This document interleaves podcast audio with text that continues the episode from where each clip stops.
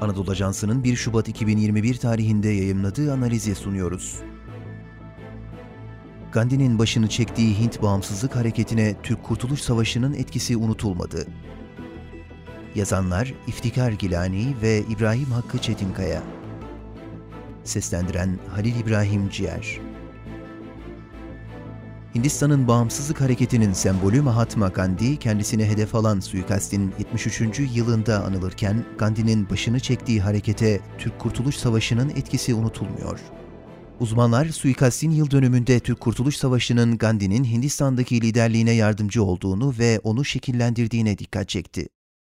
Balkan Savaşı ve ardından Birinci Dünya Savaşı'ndan sonra sömürge güçlerinin Türkiye'yi parçalama girişimleri 1915'te Güney Afrika'dan Hindistan'a döndükten kısa süre sonra Gandhi'yi İngiliz hükümetine karşı meşhur işbirliği yapmama hareketini başlatmaya sevk etti.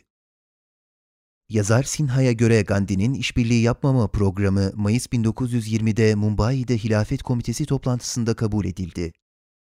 Sinha, bu toplantıdan kısa süre sonra Gandhi, Türk davasının arkasındaki insanlarla toplantı yapmak için kapsamlı bir tura çıktı, dedi. Sinha, The Turkish Question Mustafa Kemal and Mahatma Gandhi adlı akademik kitabında, Türkiye'ye yardım hareketinin aynı zamanda Hindistan'daki Hindular ve Müslümanlar arasında kısa süren bir ortak dostluk anı olduğunu savundu. Gandhi, İngiliz vali Lord Chelmsford'a yazdığı mektupta İngilizlerin Türkiye'ye muamelesini protesto etti ve Sevr Antlaşması'nın uygulanması halinde 1 Ağustos 1920'den sonra işbirliği yapmama politikasının yoğunlaşacağı konusunda uyardı. Ancak Birinci Dünya Savaşı'nda İtilaf devletleri daha ileri gitti ve 19 Ağustos 1920'de Osmanlı İmparatorluğu'nu Sevr Antlaşması'nı imzalamaya zorlayarak Türk topraklarının büyük bir kısmını Fransa, İngiltere, Yunanistan ve İtalya'ya bıraktı. Ayrıca Osmanlı içinde geniş işgal bölgeleri oluşturdu.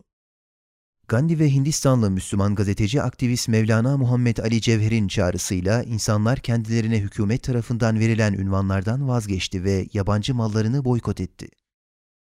Londra Soas Üniversitesi'nden Muhammed Naim Kureyşi'nin aktardığına göre Gandhi, İngiliz Genel Valisi'ne bir Hindu olarak Türkiye üzerindeki onur kırıcı muamelelerden ötürü aşırı derece yara alan Müslümanların davasına kayıtsız kalmayacağını açıklayarak onların üzüntüleri bizim üzüntümüz olmalı ifadesini kullandı.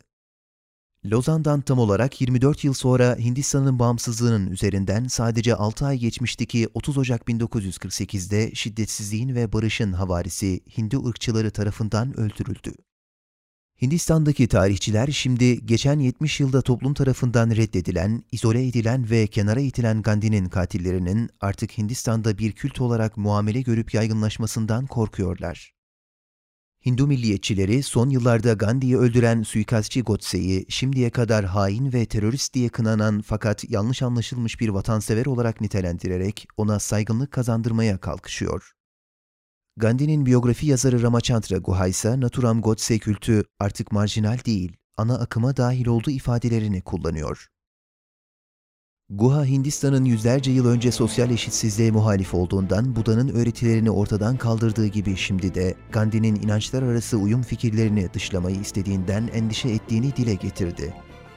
Guha kendi bloğunda belki de dünyanın geri kalanının tıpkı Buda'yı sahiplenip onayladıkları gibi Gandhi'yi de sahiplenip onaylamalarına izin vermeliyiz diye yazdı.